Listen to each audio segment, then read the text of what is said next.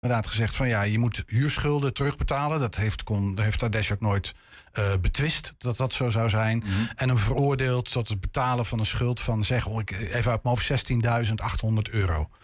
Uh, die schuld, uh, die uitspraak was eind, of begin 2019 is die uitspraak gedaan.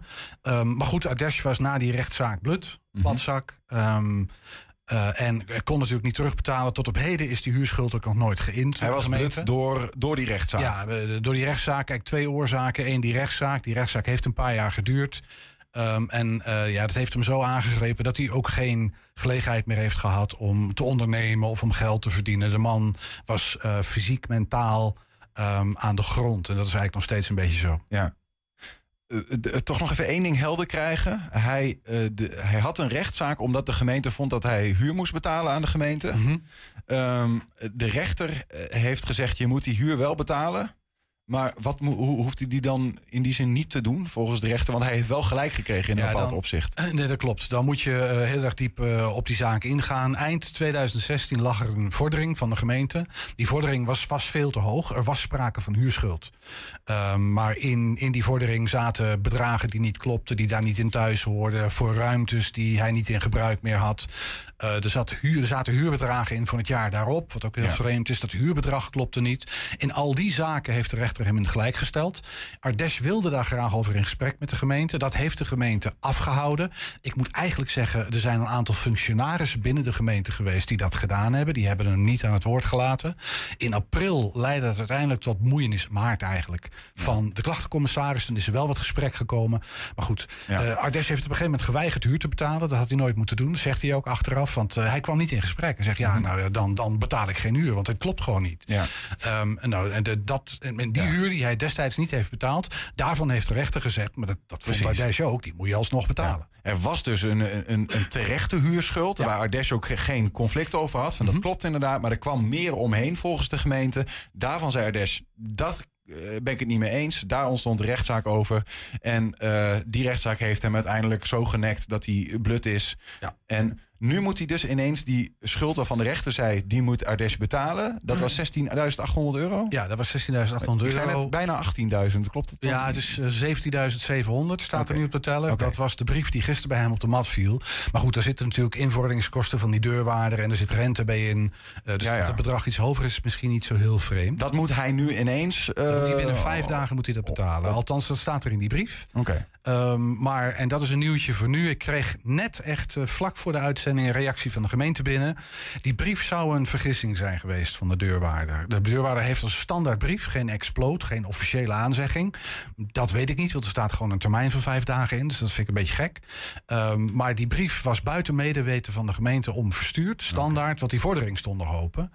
Um, en de gemeente heeft nu ook de deurwaarder gezegd om voorlopig niet meer van dit soort brieven te sturen. Uh, dus om dat gewoon uh, stop ja. te zetten, die invordering. Ja, dus dat betekent dat er bij de deurwaarder een soort van nou ja, automatisch protocol gaat van hé, hey, deze boete moet nog geïnd worden dat en dan is, wordt er is, automatisch een brief gestuurd. Of ja, nou, ik dat... heb daar nog even een paar aanvullende vragen over gesteld, omdat ik het wel bijzonder vind. Want uh, eind vorig jaar, een jaar geleden, is het laatste gesprek tussen Ardèche en de gemeente geweest hier over deze zaak. Al die tijd is er niks gebeurd en dan nu ineens ligt die brief op de mat. Dus dat is op zich wel opmerkelijk. Je zou zeggen dat die deurwaarder ja. een signaal moet hebben gehad van uh, er, moet nu, er moet nu eens wat gebeuren, want hè, dat geld moet terug. Um, maar dat is niet helemaal helder waarom dat nou precies gebeurd is. Uh, en het lijkt ook niet echt een standaard brief. Het is gewoon een aanzegging. Je moet betalen en binnen vijf dagen. Anders dan. Uh... Waarom is dit eigenlijk nooit gebeurd? Want in die zin zou je zeggen: ja, de gemeente heeft recht op dat geld, zegt, zegt de rechter. Ja, dat is ook zo. Dat betwist niemand, ook Ardes niet. Um, er zijn twee belangrijke redenen voor. De ene is natuurlijk gewoon dat je kale kip niet kan plukken. Dus je kan wel invorderen, maar daar schiet je natuurlijk heel weinig mee op. Uh, de tweede is dat er heel veel vragen en ook politiek gedoe is over deze zaak. Um, uh, en nou ja, dat, dat ligt ook wel gevoelig. Dus om in deze zaak dan door te zetten en te zeggen... we gaan, we gaan naar descaal plukken of een faillissement... of waar dat dan ook op uitdraait... Ja. dat ligt natuurlijk erg gevoelig. En daar, daar schiet niemand iets mee op. Dus dat heeft de gemeente tot op heden nooit gedaan. En om die twee redenen ook nooit gewild. Is, is dit eigenlijk nu ook uh, het enige waar eigenlijk deze zaak nog uh, open ligt? Dat Ardesh op een zeker moment, als die weer uit de psychische malaise komt... of wat dan ook, dat hij die, die 17.000 euro ooit kan betalen... en dat het dan klaar is? Of staan er eigenlijk nog wel dingen open in deze? Nou, kijk, er zijn, nee, er zijn twee belangrijke... Dat, is, dat staat zeker open natuurlijk. Hè. Die schuld is er nog. Maar Ardes ja. heeft ook nog een schuld bij de gemeente. Uh, andersom. Andersom. Um, en uh, dat is ook een wat ingewikkeld verhaal. Maar hij had twee bedrijven. Het ene bedrijf had een huurschuld.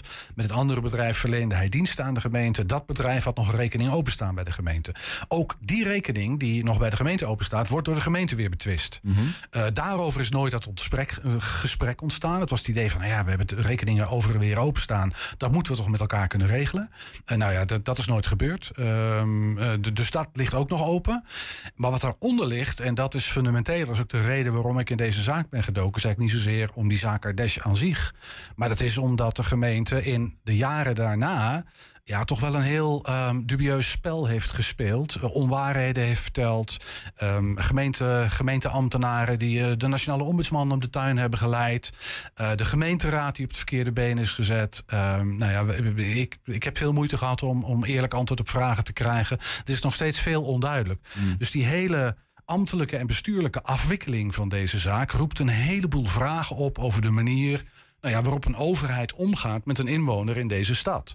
En dat kan jou of mij ook gebeuren, zou ik maar zeggen. Dus, dus, de, de, dus er, ligt nog wel meer onder. En daarom ligt het ook politiek zo gevoelig. Ja. Daarover gesproken dan. Um, er zijn politici die uh, volgen wat jij hierover schrijft. En als je dan schrijft...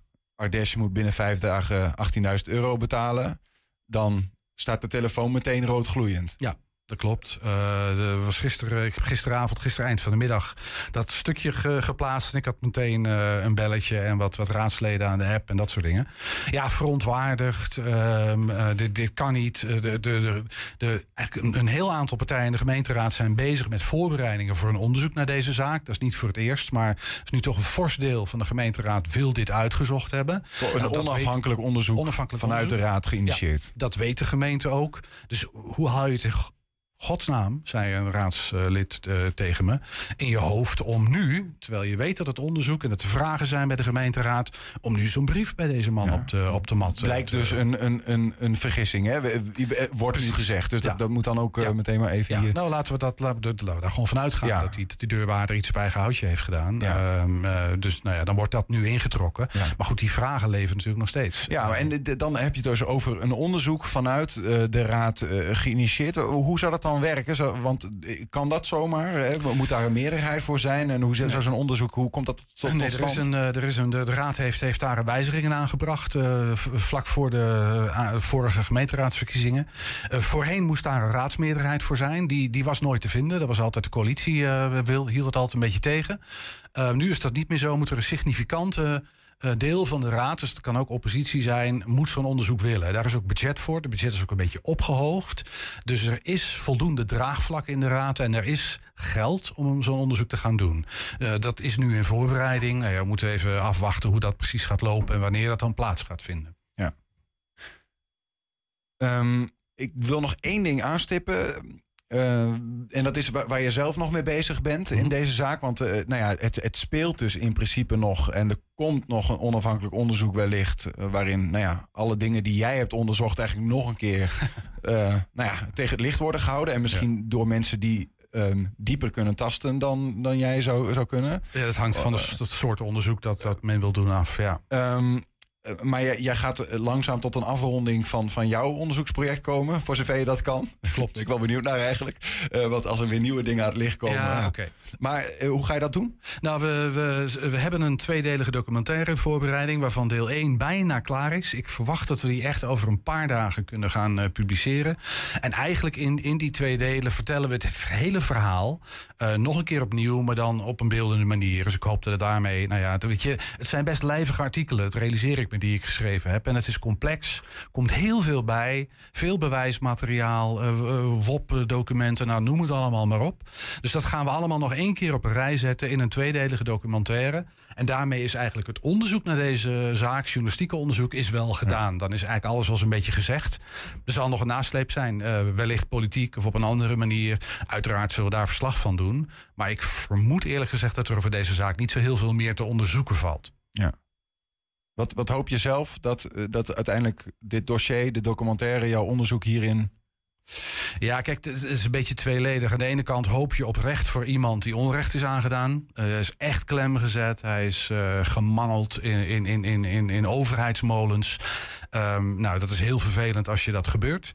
Maar het tweede is ook dat ik uh, vind uh, dat we in een land leven waar dit niet mag gebeuren. Je moet ervan uitgaan en je mag ervan uitgaan, je moet ervan uit mogen gaan. Dat als je in conflict wordt, komt met een overheid, dat jij fair behandeld wordt. Um, als een overheid dan gaat draaien, liegen, informatie gaat achter, uh, achterhouden, dingen gaat spinnen, gaat framen. Uh, dan hebben we een probleem als samenleving. En dat probleem moeten we niet hebben. Daar moeten we vanaf. Ja. Uh, dat is waar ik mij druk om maak. Ja, en dat ga je in je documentaire dus proberen om zo duidelijk mogelijk te maken hoe dat in deze zaak gegaan ja. is. En wat we dus in die zin niet moeten willen. Ja, het is geen shame, het is geen blaming van mensen. Maar je ziet dat er iets gebeurt. Dat een paar mensen ergens een wissel omzetten in zo'n proces. En dat er dan een proces op gang komt van bedekken, van toedekken. Van, uh, als je één keer die wissel hebt omgezet, wordt het na een paar jaar heel erg lastig om te zeggen: Sorry jongens, we hebben jullie al die tijd een beetje voor de gek gehouden. Uh, en, en, dat is een beetje het proces. Ja, je ziet dat in deze zaken, je ziet dat in meer zaken. Um, en we moeten veel eerder onze vinger opsteken en zeggen: jongens, wacht even, zo willen we niet met elkaar omgaan. Um, dat is eigenlijk waar het over gaat. Dat is wat ik hoop met deze docu helder te maken. Ben benieuwd, binnenkort dus. Binnenkort. Dankjewel, Ernst. Zometeen, ja, we kijken niet genoeg met de bril van toekomstige generaties, vinden Judith van Oostrom en Judith Hofman. Daarom hebben ze deze maand in Enschede een plekberaad voor de toekomst opgezet. We zijn ook als podcast te vinden op alle bekende platforms. Je vindt daar 120 vandaag. Dat zijn de hele uitzendingen, elke dag. Dus elke werkdag dat we uitzenden. Maar ook 120 vandaag uitgelicht. zijn mooie, dat is wel iedere dag. Uh, touching items. Iedere dag van de week eentje uitgelicht. 120. 120 vandaag. Ja, nu de energieprijzen flink oplopen, zijn veel tukkers op zoek naar een manier om hun huis te verduurzamen. Nieuwbouwhuizen zijn goed geïsoleerd en de bewoners zitten er vaak uh, warm bij deze winter. Al die isolatie en zonnepanelen uh, schelen flink in de portemonnee. Engeloer Eddy Para uh, Paradijs woont in een appartementencomplex van woningcorporatie Welbions in de Hengeloze S. En wij namen daar een kijkje. We zien hier het gebouw van de Steenbakkerij. De Steenbakkerij in 2019 zijn hier de eerste bewoners komen wonen. En uh, het is een complex, gezien in deze tijd, heel erg goed geïsoleerd is. En uh, ook de bewoners erin zijn daar heel tevreden over.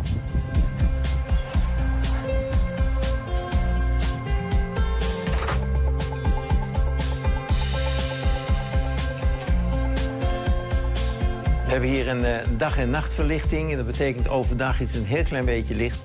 Uh, S'avonds uh, blijft het ook een klein beetje verlicht.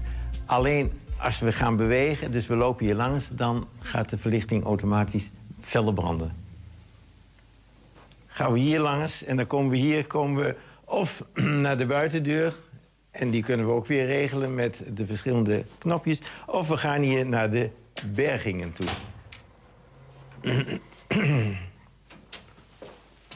We hebben hier de 24 bergingen. En uh, op het moment dat je door de gang loopt, gaat automatisch waar je loopt, gaat het licht feller branden.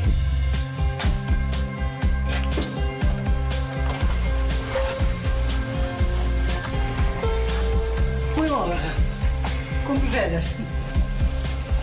Uh, ik ben Jani Rozenberg en ik woon hier nu sinds 3,5 jaar in de steenbakkerij. En gekomen van de Hasselres. En toen ik alleen kwam te staan, ben ik uh, verhuisd naar dit appartementencomplex. Aan energiekosten, ja, ik durf het eigenlijk niet eens hardop te zeggen. Want ik heb vorig jaar over een jaar, als ik dan de jaarafrekening zie, 180 euro betaald over een heel jaar. Dus uh, ja, eigenlijk belachelijk weinig als je nu de bedragen hoort. Nou, dit is gewoon, ja, het is een heel nieuw appartement. Dus er zijn qua ramen en zo, het glas is allemaal hoogste isolatiewaarde. We hebben zonnepanelen. Elk appartement heeft zes of acht, dat weet ik eigenlijk niet. Panelen. Dus als je ziet, uh, en je gaat een beetje zuinig met de spullen om. Uh, ik zorg dat ik overdag de was draai, overdag de afwasmachine laat draaien. Ja, dat wordt dan gewoon allemaal gelijk uh, door de zonnepanelen gedaan. Dus ja, als je er een beetje op let, dan kun je hier wat dat betreft bijna gratis wonen. Ik heb geen verwarming aan, nee. Maar ja, goed, we hebben nu natuurlijk ook een uitzonderlijk najaar gehad wat temperatuur betreft. Ja, en, en hoe is dat dan in de, in, in de winter dan? Ja, dan heb je de vloerverwarming. En ook in de badkamer is nog een apart klein kacheltje... dat je daar eventueel iets warmer kunt maken als je dat wilt.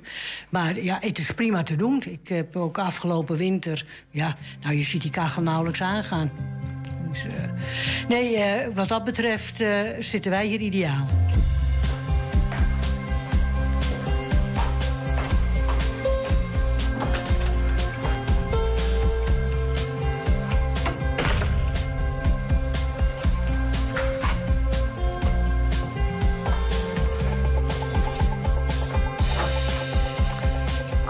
De berging van het appartement. En eh, dan gaan we eerst hier naar dit apparaat. En dat is de luchtzuivering. Hier wordt dus eh, de, de, de lucht van buiten inge- ingehaald. En wordt het via filters wordt het weer teruggestuurd naar buiten toe. Ik kan wel even laten zien. En hier zitten de filters. Dit is dus de aardgasinstallatie. En dit is alleen voor de vloerverwarming en voor het warm water. De rest is elektrisch en het merendeel van de elektriciteit komt vooral in de zomer van de zonnepanelen af. Dat scheelt eh, zeker zomers, scheelt dat heel veel, want we leveren meer terug dan dat we gebruiken. En, eh, maar dan moet je het wel zo doen dat je dus zeker overdag de wasmachine en eventueel de droger gebruikt. Maar ook de afwasmachine. Doe dat overdag. En dan eh, wordt het merendeel van de elektriciteit wordt hier doorgeleverd. De ramen die zijn heel erg eh, ja, geïsoleerd, zou ik zeggen. Ik zal hem even open doen. En dan zien we hier de, vooral de dikte van het raam. En het glas wat erin zit. En dat is niet alleen dat het, eh, het de- de warmte goed tegenhoudt, eh, van binnen naar buiten, maar vooral ook het geluid. Door de ontzettend goede isolatie is het eh, ja, fantastisch om eh, hier te wonen. Absoluut geen last van de hoge energieprijzen. En, eh, maar ja, het heeft ook van het moment dat we hier eh, binnen eh, zijn komen wonen... eh, ja, kon je de contracten afsluiten. En die contracten die lopen nu, na een jaar of drie, drieënhalf, vier jaar, lopen ze af. Dus. En dan is maar de vraag wat dan de energieprijzen zijn. Ja. Maar het is hier goedkoop wonen. Wat energie betreft, absoluut.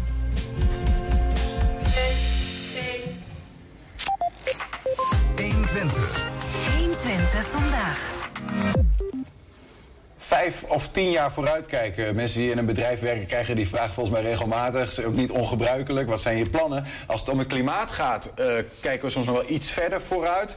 Maar we kijken niet vaak genoeg met de bril van de generatie van de toekomst. Dat vinden althans Judith van Oostrom en Judith Hofman bij mij aan tafel. Daarom organiseren zij deze maand eh, in Enschede een zogeheten plekberaad voor de toekomst. Nou, wat dat is en waarom, daar ga ik met ze over praten. Eh, Judith en Judith, eh, welkom.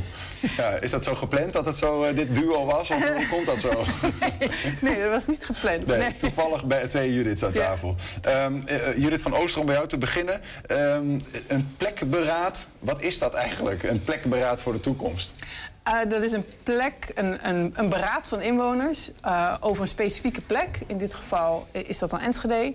Ehm, met als focus hoe kunnen wij de stad mooier maken.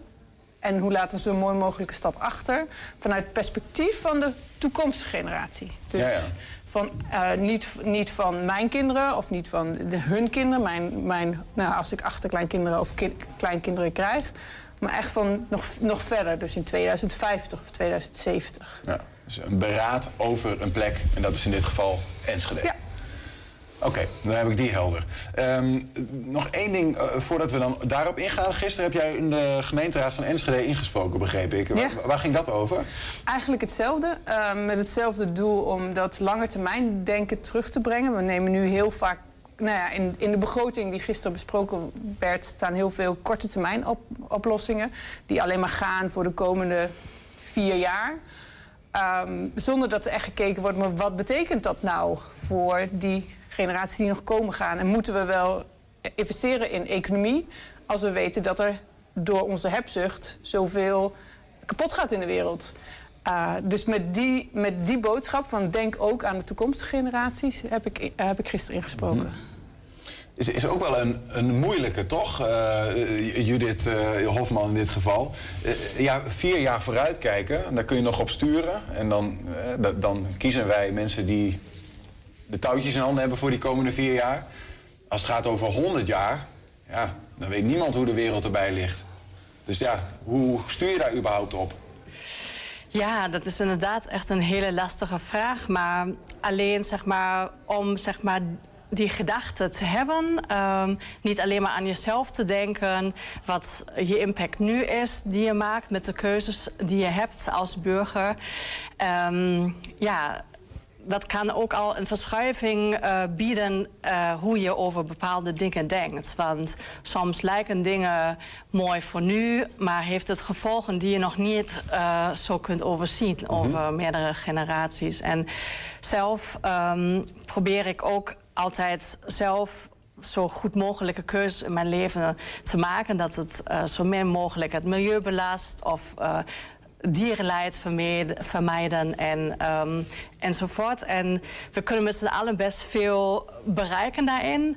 Maar ja, er zijn natuurlijk nog andere verantwoordelijke, grotere spelers. En ehm, nou ja, we proberen toch door dit een burgerinitiatief te zijn... zoveel mogelijk mensen met hun ideeën over hoe we Enschede mooi kunnen laten zijn, ook voor toekomstige generaties, een plek te geven. Ook eh, los van politieke partijen en hoe je eh, daarin staat. Het gaat dan over dat is- onderwerpen. dat is inderdaad een interessante vraag. Kijk, ligt die verantwoordelijkheid bij de politiek? Ligt die ook eh, bij ons? En wat zou je, met, wat zou je heel concreet in zo'n plek, plekberaad dan willen bespreken? Hoe, eh, nou ja, en op welke manier verandert dat de stad dan? Uiteindelijk is de politiek degene die de touwtjes grotendeels in handen heeft als het gaat om eh, beleid. Ja, nee, met het plekberaad bre- breng je mensen samen met hetzelfde ehm, ideaal. Iedereen die er komt, die wil iets moois voor de stad. Eh, wat we gaan bespreken, dat, is, ja, dat moet ontstaan. Dus wat er precies uitkomt, weten we niet. Uh, maar wat, het wel ga- wat ik wel hoop dat het gaat brengen, is dat we nieuwe ideeën hebben. Of een idee hebben van hoe we graag willen dat die toekomstige generatie het heeft. En vanuit daar kijken, oké, maar wat kunnen we daar nu aan doen? Dus welke acties kunnen we nu doen om straks. En dan zijn het.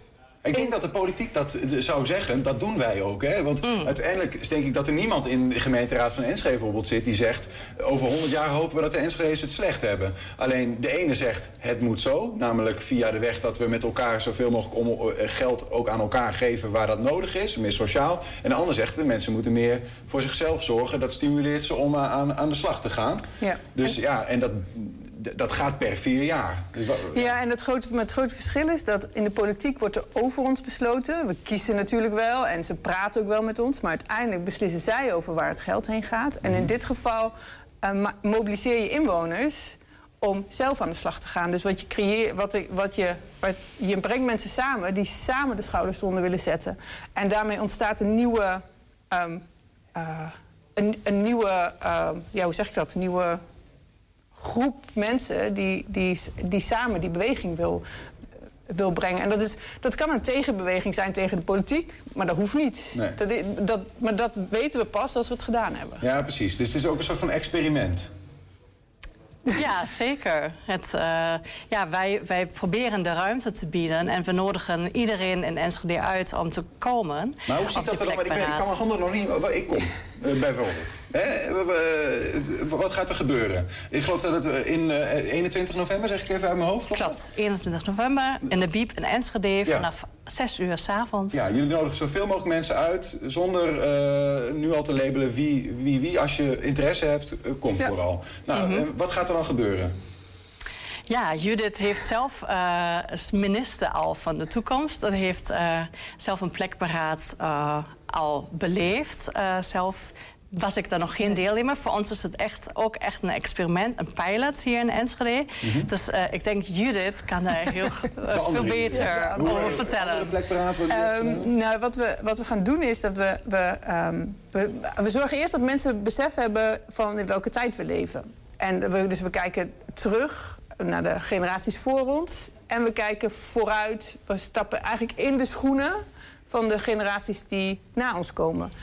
En ehm, met dat in het achterhoofd gaan we kijken van... oké, maar hoe ziet dat er dan uit? Als, wij, als, wij, als, je, als je die generatie gezien hebt, wat, wat zou je dan willen voor die generatie? Hoe wil je dat die leeft? Wat, is daar, wat zijn dan echt belangrijke eh, pijlers? Of eh, eh, wat gunnen we hen? En als je dat weet, dan vanuit daar kijk je dan vervolgens van... oké, maar als we, als we dit weten, wat kunnen we dan nu doen? Welke acties zouden we nu kunnen... welke stappen kunnen we nu zetten om te zorgen dat dat ook werkelijk gaat... Durf je een voorbeeld te geven of vind je dat, dat je dat eh, niet eh, moet inkleuren? Voor, voor- voor Nou, ik, de, eh, het voorbeeld van het plekberaad waar ik bij ben geweest... was dat er ehm, gezegd werd... wat ze heel belangrijk vonden, is dat, eh, dat, er, dat mensen echt zichzelf konden zijn. Dus dat er een plek, plekken in de stad zijn... waar je jezelf kan zijn en waar je opgevangen wordt. Waar je eh, je hart kan luchten, maar waar je ook je creativiteit kan tonen. En eh, we zaten toen met heel veel mensen uit het bibliotheekwezen... En die... Was dat in Enschede? Nee, nee, nee, nee, nee, nee, nee, nee dat was in Heerenveen. Ja. En eh, zij. ehm, en uiteindelijk kwam eruit dat ze nu al konden inv- inventariseren welke plekken er al zijn. Want het hoeft niet te betekenen dat dat allemaal nog moet komen. Misschien is het er al wel. Dus gingen ze, gaan ze een rond de fietstocht door de stad maken, of door de steden of de dorpen eromheen, om te kijken: oké, welke, welke plekken zijn er al en hoe kunnen wij er. En ze gingen erover nadenken: hoe kunnen wij er nou voor zorgen dat die plekken er over 100 jaar nog zijn? Ja. Eh, en er zijn voorbeelden van, want er is een voorbeeld in, ook in Heerenveen in dit geval, waar de gemeente grond heeft vrijgegeven voor 100 jaar. Zonder, daar, daar moeten ze 100 jaar van afblijven. Dat hebben ze afgesproken met de eigenaar. Met als reden? Met als reden, daar, daar komt een tuin, of, of er is al een tuin. Dat is een, een man die eh, heel graag eh, eh, de natuur terug wilde brengen. Ja. En eh, met eh, kunstzinnige projecten daar aan de slag is. Dat is een uitvloeisel uit het plekberaad geweest. Nee, dat was er al. Dat was maar, er al. maar dan zijn er dus voorbeelden. Dus je haalt ook heel veel kennis op. Ja. Waardoor je dus elkaar inspireert om acties te, te ondernemen. En misschien komt er wel een advies uit richting de gemeente. Zeggen we met elkaar... Oké, maar wij willen het echt anders. En we- wij stellen dit en dit voor. Want als je het hebt even over de, nou ja, zeg maar de, de, de plek die, de, die het plekberaad heeft binnen de democratie van Enschede, zeg maar, dan is het puur dat, dat jullie in dit geval twee bezorgde burgers zijn die andere Enschedeërs op touw willen helpen om daar eens over na te denken. En wat gebeurt er dan vervolgens met die dingen die je met elkaar oogst, om het zo maar te zeggen, Judith? Nou, het hangt inderdaad eh, van de dingen af die we daar oosten. Het kan, wat Judith al zei, een, eh, ja, een soort visie zijn, een, een document wat we overhandigen aan het politiek bestuur van Enschede. Of het kan natuurlijk ook zijn dat er een ehm, inwonersinitiatief ontstaat, eh, wat ehm, aan- zelf aan de slag kan gaan, omdat er al, zeg maar, voldoende mensen zijn en eh, die de handen uit de mouwen willen ehm, doen om iets aan te pakken, letterlijk dan met elkaar. Of ehm, ja, ook bewustwording over wat, wat er allemaal voor moois is en hoe we daarmee om kunnen gaan, zodat het ook blijft. Ook eh, bijvoorbeeld. eh, je zou kunnen denken aan de groenvoorzieningen, de parken, het landschap eh, in Enschede, de bomen in de stad. In andere steden zie je dat er zeg maar, een soort van ehm, soort partnerschap, dat er eigenaarschap over een bepaalde boom wordt genomen in de stad. Eh, Dat daarvoor gezorgd wordt, eh, als je naar droge zomers eh, en overhitting in de steden kijkt, dat eh, daar verantwoordelijkheid voor genomen. En Ja. Ehm, nou ja, dat bewoners ook zelf een steentje bijdragen aan dat de stad mooi is en blijft. En ja, ook de effecten van de klimaatverandering, dat, ehm, ja, dat we allemaal meehelpen om de negatieve gevolgen zoveel mogelijk eh, ja, in te dempen. Is het ook zo dat, jullie als initiatiefnemers ehm, het ook daadwerkelijk missen, dat gesprek over die generatie van de toekomst? En, en dus ook, wat ik misschien wel bedoel te zeggen, oplossingen missen, zeg maar die invalshoek missen in de huidige eh, beleids, beleidsvorming? Of zeggen jullie van, nou, we zetten eigenlijk die deuren open voor mensen om daarover te praten en misschien gaat het wel heel goed in Enschede? Nee, ik, ah, nou ja, ik heb niet voor niks eh, gisteren ingesproken. Dat was omdat ik mis die lange termijnvisie, die is er niet. Ik denk dat als wij... ehm, ik had gisteren Hanna mee en Hanna leeft in 2070. En uh, als Hanna. Hoe doe je dat? Nou, Hanna, ik had Hanna figuurlijk bij Oh, me. oh, Dit zijn de schoentjes van Hanna. Oh, ik, oké, ik ja, heb ja. Hanna, Hanna. Ha- Hanna zit hier aan tafel. Ja, hoi Hanna.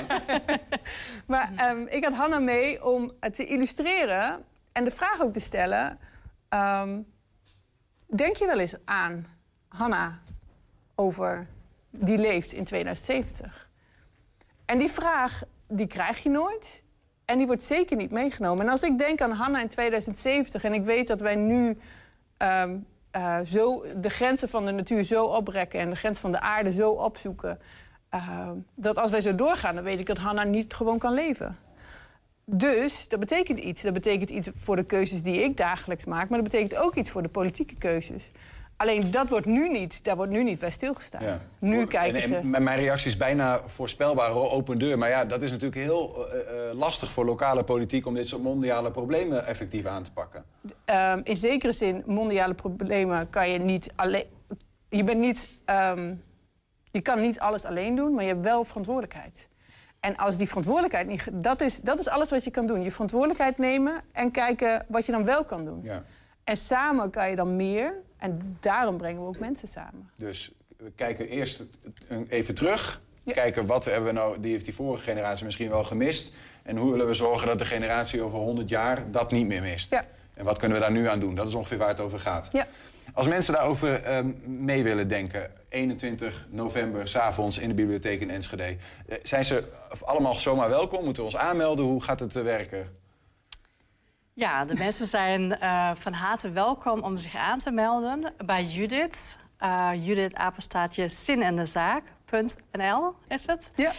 En dan eh, weten we ongeveer op hoeveel mensen we kunnen rekenen... zodat er voldoende ruimte is voor iedereen om aan te schuiven. Oké, dus wel even aanmelden. Ja, heel graag. En, vanaf 7 Van zes. Ze- vanaf 6 uur, Ja. 21 november. Ja. Eh, bij de Judiths, Oostrom en Hofman, eh, dank jullie wel voor het aanschuiven. En eh, succes met de zaak. Ja, dankjewel. Ja, bedankt dat we hier mochten zijn. Ja. Zometeen Metropool in Hengelo is eh, aankomende zondag weer het toneel van de Hengeloze 60s Revival. Een druk bezochte avond doorgaans, maar toch besluit de organisatie te stoppen. 120. 120 vandaag. Ja, afgelopen weekend konden honderden kinderen hun geluk niet op tijdens de spooktochten in de wijk Strooingslanden in Enschede. De organisatie keek er met veel plezier op terug en denkt erover om volgend jaar nog grootser aan te gaan pakken. Ja, er hadden namelijk nog meer mensen mee willen doen, maar daar was nu eenmaal geen plek voor. Wat blijkt nou, in Strooingslanden zijn zoveel gegadigden voor wijkactiviteiten. Eerder regel dan uitzondering, maar hoe kan dat? We praten erover met bestuurslid van de organisatie Stichting Smileyveld, Marco Scheer. Goedemiddag Marco. Goedemiddag. Ja, wat voor een club zijn jullie eigenlijk? Ja, dat vraag ik me ook wel eens af. We zijn eh, voor, een, ehm, voor een jaar of 15 terug als ouders van de rondspelende kinderen in de buurt eh, begonnen om wat activiteiten te organiseren. Op een terrein wat er toch al in de buurt lag, het Smileyveld. Wij kennen dat eigenlijk helemaal niet. Dus we gaan even terug naar het jaar 2000 zo'n beetje, zeg maar. Rond de tijd dat wij daar zijn komen te wonen. En dat is een groot terrein, een grote asfaltplaat... waar een paar lijnen op getekend stonden. Een tennisveldje, voetbalveldje, dat soort zaken meer. En daar stonden een paar containers bij. En we wisten eigenlijk helemaal niet wat daarin zat. Totdat de stichting Alifa daar wat mensen op ging zetten... en dagdagelijks stepjes en fietsen ging uitlenen aan de kinderen die daar kwamen spelen. Dus zodoende zijn we daarmee in, in aanraking gekomen. Op een gegeven moment zaten die containers dicht. Alifa hield ermee op om dat te exploiteren. En er gebeurde een hele tijd niks. Totdat er in 2007 het bewonersteam Strooingslanden werd opgericht. Dat is de wijkraad die toen actief was in de wijk. Eh, daar zat ik in. En toen hebben we gezegd, waarom eh, blazen we dat eigenlijk niet nieuw leven in? Waarom gaan we weer geen, geen activiteiten voor kinderen daar ontplooien? En zo zijn we met een aantal eh, eh, wijkbewoners, ouders samen, zijn we dat weer op gaan zetten. Dat hoeveel mensen ongeveer? Eh, dat was in het begin met een groepje van een man of zes, acht. En eigenlijk was het alleen maar de bedoeling om dagdagelijks uh, speluitleen te doen. En uh, het eerste grote activiteit was een kerstmarkt. Die zijn we begonnen. En daardoor het mooie weer, het begon namelijk keihard te sneeuwen een paar dagen voor die kerstmarkt. Uh, werd dat zo goed bezocht dat we zeiden van we moeten vaker activiteiten gaan organiseren. En van daaruit zijn we met paarse paaseieren gaan zoeken met kinderen. Er kwam al snel een, uh, een Sinterklaasintocht in de week waar we medewerking aan verleenden. En uh, een lampionnenoptocht voor Sint Maarten is eigenlijk uitgegroeid tot, uh, tot Halloween, zoals we dat afgelopen weekend gevierd hebben. Is het dan um, dat het zo gegroeid is? Ligt dat aan jullie als organisatie? Dat is een moeilijke vraag hoor. Of aan de, aan de wijk? Is er gewoon heel veel vraag naar dit soort activiteiten? Nee, het, was, e-, het is eigenlijk niet zo'n hele moeilijke vraag. Waar wij al vrij snel als ouders mee besmet werden was het feit dat er niks in de buurt voor de kinderen te doen was. Er zijn in de wijk Strooingslanden geen sportverenigingen, geen speeltuinen. Dan moet je voor uitwijken naar andere plekken. En Strooingslanden zijn woonden op dat moment en misschien nog wel veel mensen die eigenlijk niet voldoende geld hadden om hun kinderen te laten sporten. Het kost nou eenmaal veel geld. En we wilden als ouders iets doen om die kinderen te activeren, om iets leuks met ze te gaan doen. Eh, op een gegeven moment kom je dan andere gelijkgestemden kom je tegen. En die willen dan ook wel graag iets organiseren. En dat is, ja, langzamerhand zie je dat het succesvol is en wil je steeds groter. Ja, als je dan ook nog een paar vrijwilligers tegenkomt die eigenlijk uh, een steekje los hebben, zeg maar. En zeggen van laten we het nog iets groter proberen en nog iets leuker proberen te maken. En daar bereid zijn tijd in te steken. Ja, dan kom je tot dit soort dingen. Nee, maar dat, dat is natuurlijk, hè. Ik bedoel, eh, ik denk dat sommige mensen best enthousiast zijn om, om dingen op te pakken. Maar ja, er zitten maar 24 uur in een dag. Ja. Uh, mensen hebben soms nog werk en zo. Ja. Um, uh, ja hoe, hoe zit dat bij jullie? Is, bestaat die club vooral uit mensen die die tijd wel over hebben? Of? Nou, wij hebben op dit moment, wij zijn in 2017 zijn we naar een notaris gegaan om er een stichting van te maken. Dat had met name te maken met de financiële kant van het hele verhaal. Hè. Dan kun je budgetten aanvragen. Um, dan kun je ook uh, uh, organisaties aanschrijven om ons te sponsoren om het mogelijk te maken om kinderen zo goedkoop mogelijk dingen mee te laten doen. Ja. Zo'n horrortocht, uh, zo'n spooktocht kost een kind 1 euro om mee te doen. En dan krijg je alles. Dus dan, dan hou je de kosten laag, zeg maar. En om dat allemaal um, uh, op de juiste manier te doen, zijn we die stichting gestart. Hè. Dan kun je boekhouding kun je fatsoenlijk bijhouden. Daarvoor hebben we ook een bestuur. En in dat bestuur zitten een aantal mensen die daar bijna een dagtaak aan hebben. Dat zijn mensen die. Uh, Als in één dag in de week of die daar. Uh... meerdere dagen per week. Ja. Waaronder jij zelf? Ik doe dit um, voornamelijk in de avonturen. Ja. Ik heb een fulltime baan erbij naast.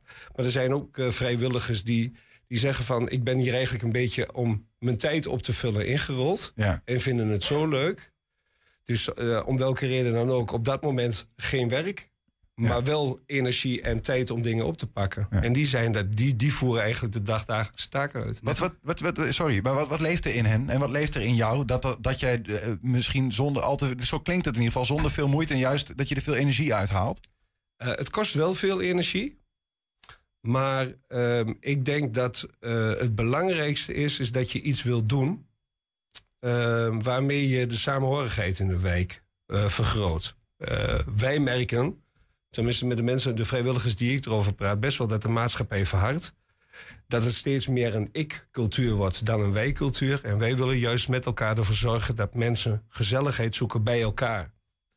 Het ouderwetse uh, leven zoals het vroeger was. Je bent op straat, de kinderen zijn op straat, de ouders zijn daarbij in de buurt.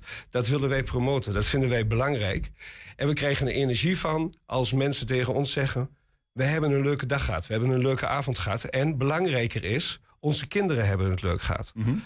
En dat geeft energie. En op, dat, op het moment dat je dan denkt van... Pff, ik, ben, ik ben er eigenlijk wel moe van. Ik heb even geen zin meer.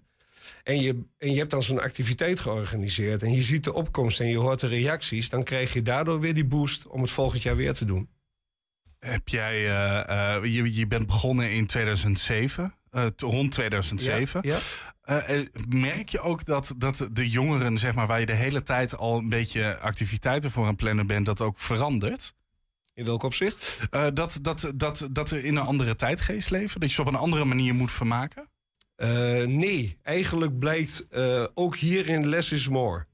Als je kijkt dat kinderen de hele dag met telefoons en met, met, met spelcomputers en dergelijke bezig zijn.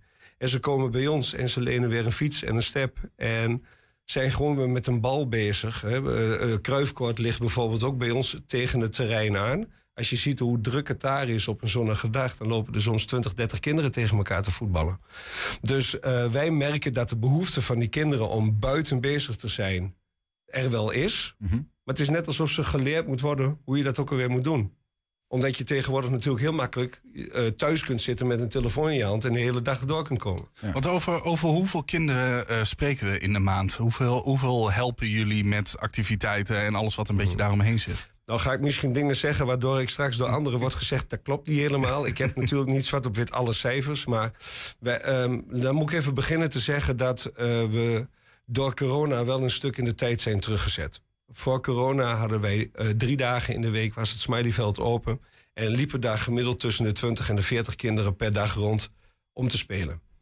Ehm, op, toen ging alles in lockdown. Nu merken we dat het lastig is om weer vrijwilligers te krijgen die ervoor kunnen zorgen dat we dagdagelijks open zijn. Dus op dit moment gebied de eerlijkheid te zeggen dat wij voornamelijk bezig zijn met de activiteiten. En de activiteiten zijn, even op, een rijtje zo. We hebben een, een buitenspeeldag uh, met Pasen gaan we paaseieren zoeken. In samenwerking met het Strooiingshuis, het wijkcentrum bij ons in de buurt. Uh, vervolgens hebben we de jeugd FIFA, die we vrijwel zelfstandig organiseren. Um, Halloween. En wij, zoals ik al zei, dragen ook bij aan de Sinterklaasintocht in Strooienslanden. Dat zijn voor ons grote activiteiten. Daar komen ook veel mensen bij kijken. Halloween organiseren we met tussen de 50 en 75 mensen. Krijg een beetje een beeld van hoe groot dat is. Ja, en de, de, het, het moet uh, groter. Mensen, wij horen Halloween, waar uh, sommige mensen zijn, uh, moesten teleurgesteld worden omdat er niet genoeg plek was. Ja. Dan wordt er de wens uitgesproken. Nou ja, misschien de, de kom, je komt op een, op een level dat je zeg maar enorme activiteiten gaat organiseren. Ja. ja ligt er ergens een grens of zeggen jullie van, nou ja, zolang iedereen, dan komen ze ook uit de helemaal hoek, maar hartstikke idee. Nou, de grens ligt natuurlijk wel op het moment dat er zo'n grote file in het bos ontstaat... dat je niet meer van een horrorbos, maar van een snelweg praat. Ja, ja, ja. ja. Dus... Um, uh, kan ook horror zijn, ja. De grootste, ja, de grootste uitdaging zit hem erin om uh, ervoor te zorgen dat met die grote groepen mensen... je voldoende um, tijd hebt om al die groepen het bos in te sturen. Ja. Dat je ze vermaakt, dat het veilig blijft... En uh, uh, dat iedereen aan het eind van de avond nog steeds zegt: We hebben een leuke avond gehad. Waarbij de vrijwilligers niet twee weken later nog in bed liggen om bij te komen. Dus uh, het ja. zijn. Hè, we, we, willen, als je, als je zou willen, zouden we denk ik wel duizend man kwijt kunnen. Ja. Maar het Strooiingsbos, waar we dit organiseren, is daar niet groot genoeg voor om met te beginnen. En hoe groter je wordt, hoe professioneler je gedwongen wordt te worden. Hoe meer, hoe meer je van de schermen verliest ja. van, van zo'n van zo'n ja. evenement. Ja, snap ik. Ik heb er echt nog één slotvraag. En het is best wel. Want wat intrigeert is natuurlijk dat je zegt van, van ja, we, we zouden wel duizend me mensen. En er is gewoon heel veel vraag vanuit die wijk. Ja. Terwijl aan de andere kant zien wij hier regelmatig verenigingen aan tafel. Uh, die uh, muziekverenigingen, scoutingclubs, weet ik veel. Die hebben moeite om mensen uh, te krijgen. die hebben daar geen behoefte aan, blijkbaar. Mm -hmm. Wat is dan het verschil? Dat er bij jullie beho toch behoefte is aan die, aan die communityvorming. En dat, dat, dat mensen daar ook niet alleen behoefte aan hebben, maar ook naar acteren. Dat ze komen en dat ze de vraag naar hebben. Om uh, de activiteiten waarbij wij zien dat de opkomst zo groot is, zijn gezinsactiviteiten. Um, uh, scouting is hartstikke leuk hè, uh, voor kinderen. Maar het is geen gezinsactiviteit. De kinderen gaan er naartoe, de ouders doen wat anders. En ik, ik denk dat het komt doordat je als gezin gezellig samen op pad bent op zo'n dag. Ja. He, de vrijdagavond die spooktocht, daar heb je het over 220 ingeschreven kinderen. Maar met de ouders erbij zit je aan de 500 man. Dat zijn grote groepen. Die mensen hebben het hartstikke gezellig. Je bent een, een uur, anderhalf met elkaar onder de pannen. Dus het is echt een uitje voor het hele gezin. Ik denk dat daar het verschil in zit. Um, en uh, ik denk ook wel dat het enthousiasme van de vrijwilligers en de manier waarop het neergezet is, doorslaggevend is dat mensen er met elkaar over praten. Ja. De reacties op Facebook waren: Oh, was dat afgelopen weekend? Wat jammer dat ik dat niet wist. Volgend jaar gaan we zeker. En dat zorgde dus voor. We hebben binnen de, een week na, of binnen een paar dagen nadat we op Facebook kenbaar maakten dat we weer losgingen, was het evenement eigenlijk al vol. Ja moesten al mensen gaan ja. teleurstellen dat ze er niet meer bij En dat versterkt zijn. elkaar natuurlijk. Als er veel mensen komen, is het ook leuker om uh, het te organiseren exact. voor de, voor de club ja, die er zin in heeft. Ja. Uh, we moeten het gesprek gaan afronden, Marco. Maar dank voor een inkijkje in hoe het bij jullie werkt. En misschien kunnen andere wijkverenigingen daar uh, nou ja, op een manier nog wat van meenemen. Ja. Um, hopelijk krijg je er nog wat vrijwilligers bij, dat je weer op dagelijkse basis dingen kunt die doen. Die oproep wil ik wel graag hier doen, als het even kort mag. Hè. Als er mensen zijn uit de wijkstrooingslanden, maar ook van daarbuiten, die zeggen van ik heb tijd over, ik vind het leuk om activiteiten te organiseren. En het lijkt me geweldig om iets te betekenen voor een ander zonder er iets voor terug te moeten krijgen. Maar je krijgt er heel veel voor terug. De genoegdoening die je krijgt is, in, is enorm. Maar je zegt van ik heb tijd over, ik zo wat wil ik eh, organiseren. Neem eens contact op via secretariaatsmiley.gmail.com. En dan zorgen wij dat je wat leuks te doen hebt. Staat genoteerd. Dankjewel, Marco Scheer. Jullie ook bedankt. Heb je een tip voor de redactie? Mail dat dan naar info.120.nl 120. 120 vandaag. Metropool in Hengelo is aankomende zondag weer het toneel van de Hengeloze 60s Revival. Het jaarlijkse feestje vol live muziek uit de jaren 60 en 70. Een reunie en weerzien voor iedereen die is opgegroeid in die tijd en oude tijden wil laten herleven.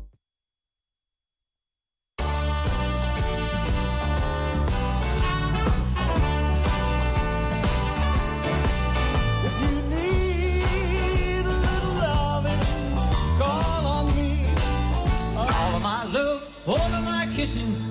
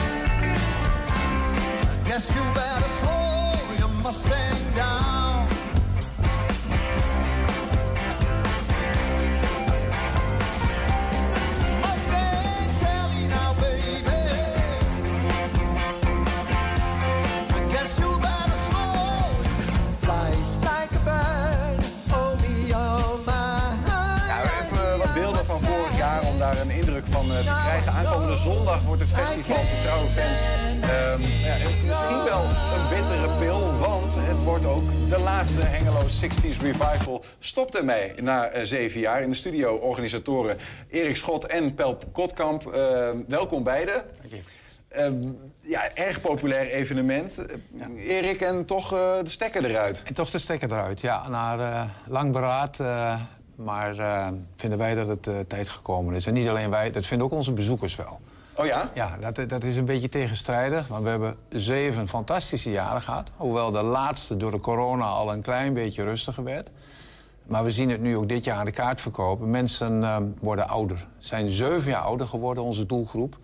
En die houden geen zes uur staan meer, eh, meer, eh, meer vol. En het festival wat wij hebben in Hengelo, in Metropool, is een sta-podium. En dan moet je zes uur staan met af en toe een stoeltje. Ja, ja. Dat wordt een beetje veel. Zes uur lang, ja, dat, Ja. is, Ja. dat is voor iedereen... Van vier eh, tot tien. Ja, ja. Ook wel confronteren, toch, Pel? Dat, het, dat de tijd is gekomen dat je, dat je niet meer een festival vol Ja. kunt houden eigenlijk op deze manier. Ja, ja. ja, Maar het is niet zo dat, eh, dat we helemaal stoppen. We denken het dan er wel over om kleinschalig eh, wat verder te gaan. En dan op die manier dat mensen eh, erbij kunnen zitten en niet meer hoeven te staan. Dus, wat, dus echt in, waarschijnlijk in het café van Metropool. Want daar, daar kun je ook goed, goed een band laten optreden. Dat is een klein podium en dan kunnen een man of 80 tot 100 kunnen erin. En als we dat een paar keer gaan doen in de winter bijvoorbeeld... Nou, dan, eh, dan blijft Anglo 60 Revival wel, eh, wel bestaan. Ja, ja, dan is, het- dan is het eh, de revival blijft zijn naam eer aan doen, Ja, om het zo maar ja. te zeggen. Ja, hoe nodig is dat, eh, mannen? Ja, ik, ik- er zit iets geks in die 60s en 70s, heb ik het idee. Dit soort dingen bestaan toch minder voor bijvoorbeeld de 80s. Ja. Ja. Denk Ja. ik altijd. Ja, ja, ja. Wat is dat met jullie? Leg mij dat 32-jarige jongen nou eens uit. Ja, Ik, nou, denk- ik denk, ik denk dat, dat, eh, dat de jaren 60 echt, echt de vrijheid was van, eh, van de jeugd. Alles was nieuw, alles begon voor het eerst. Je kreeg de rock and roll en daarna de beat en, en, en nou ja, de Beatles en zo. Je weet er alles van natuurlijk. En, Nou, ik weet er niet zo heel veel van, hoor. Ja, Beatles, eh, het does ring a bell, de Beatles. oh ja, ja, Uitga- ja, uitgaan in die tijd was eh, eh, de stad in en naar een eh, discotheek. Maar discotheken was eigenlijk pas later. Naar bandjes. In Hengelo had je een, een, een, een Fios-gebouw. en daar traden bandjes op. De Rooty Club is wel een bekende Met- naam. Ja, en historische bands uit die tijd. Pretty Things, waarom waren ze bekend? Ze trapten een hele installatie in elkaar aan het einde van... Nou, dat moest je natuurlijk zien, hè. maar het kwam, en het kwam uit Engeland en zo. Dat deden ze altijd. Dat deden ze bij elk optreden. Sloegen ze de gitaren in elkaar en dan... eh, Aan geld geen gebrek blijkbaar. ja, dat denk je dan, maar in die tijd was het misschien ook wat goedkoper of zo. Ja, ja. hoor. Een gitaartje eh, was dan eh, te betalen, maar eh, ja, daar ging je naartoe. Het was altijd live. De Ja. Buffoons uit Enschede of uit Engelen, waar je ze ook maar vandaan wil laten komen. Veel meer dan nu. Veel meer dan nu. Veel meer dan nu. Veel meer dan nu. We hadden het er nog over dat het is nu heel veel bands willen, ja, die, die willen moderne bands. Men wil natuurlijk geld verdienen. Men, binnen. Dat, in die tijd van ons was het een hobby. En als je steengoed was, dan werd je, een beetje beroeps. Ja. Maakten jullie zelf ook? Was het gebruikelijk dat iedereen zelf ook muziek maakte? Of in die zin? Als je dat kon, maar Jij, jij kunt het wel. toevallig, ik doe het wel. Ik niet. Ja. Ik ben discjockey geweest in de jaren 60. Oké. In verschillende clubs in, Met de eh, in Hengelo. Ja, Met vinyl. Ja, ja, Ja, met vinyl. Ja, ja. ja, ja. In, in pick-up met twee boxjes en een, micro, en een eh, de microfoon om wat, wat te zeggen. En Ja. dat was alles, meer had je niet. Hengelo was de, eh, heb ik begrepen, correct me if I'm wrong, de meest swingende stad van Twente in die tijd. Ik Dat klopt, ja, er waren heel veel grote clubs. Ja. De Koala Beat Club, de Easy Beat Club, het Beetshuis, de, wat de Rooty Ja. Wat ik net zei, de Trio Club. De. Allemaal clubs uit, eh, uit de jaren 60. Ja. Ja, Overal bandjes.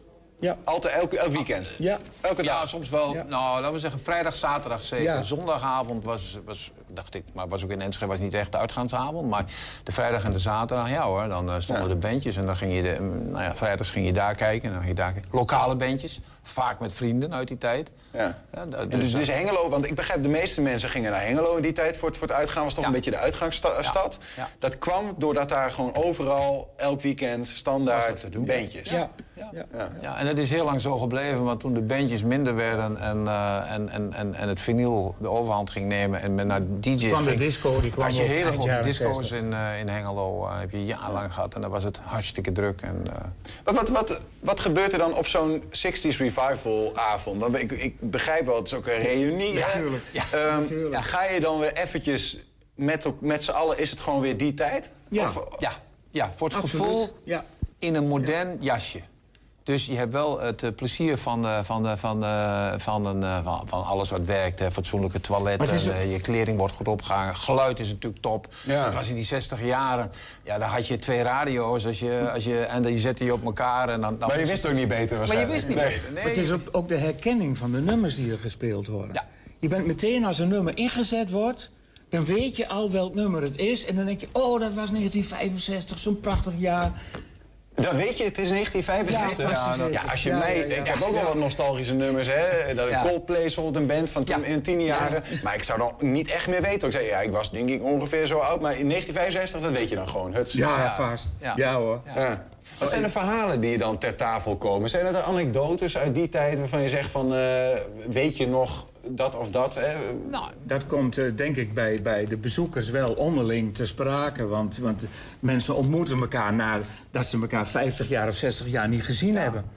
toen wij ermee begonnen, was het echt, dat was voor ons eh, waanzinnig mooi om te zien. eh, want eh, ja, tot die tijd, zeven jaar geleden, was er niet veel voor onze, onze groep. Hè? Onze, onze, onze groep geboren zo net na de oorlog.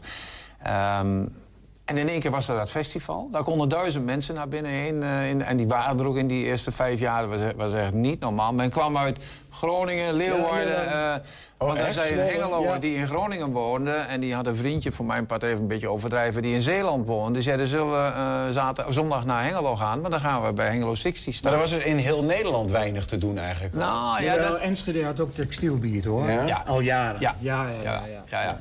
En mijn Hengelo was niks. Wij hadden Voor de jaren 60 Dus liefhebbers. zeven jaar terug. Ja. Dus dat, dat, ja, dat, dat, dat- daar- hapte iedereen op. En, eh, en wat dan ook bij ons weer bijzonder was... en, en, nou ja, dat is, dat is echt zijn sterke kant... we hebben ook een band meerdere bands weer opnieuw tot leven gebracht. Die zijn weer gaan spelen. En sommige van die bands spelen nog. Al zeven jaar later. Isaac, jullie niet net een stukje Ja, zien van, ja. eh, van Isaac. Dat was Ja. een band die bestaan heeft van 1967 tot eh, 1971. En in ons festival voor het eerst weer bij elkaar gekomen is met z'n allen. En die vroegen jullie van, kunnen jullie niet gewoon voor de gelegenheid een keertje spelen? Het en die mannen dachten...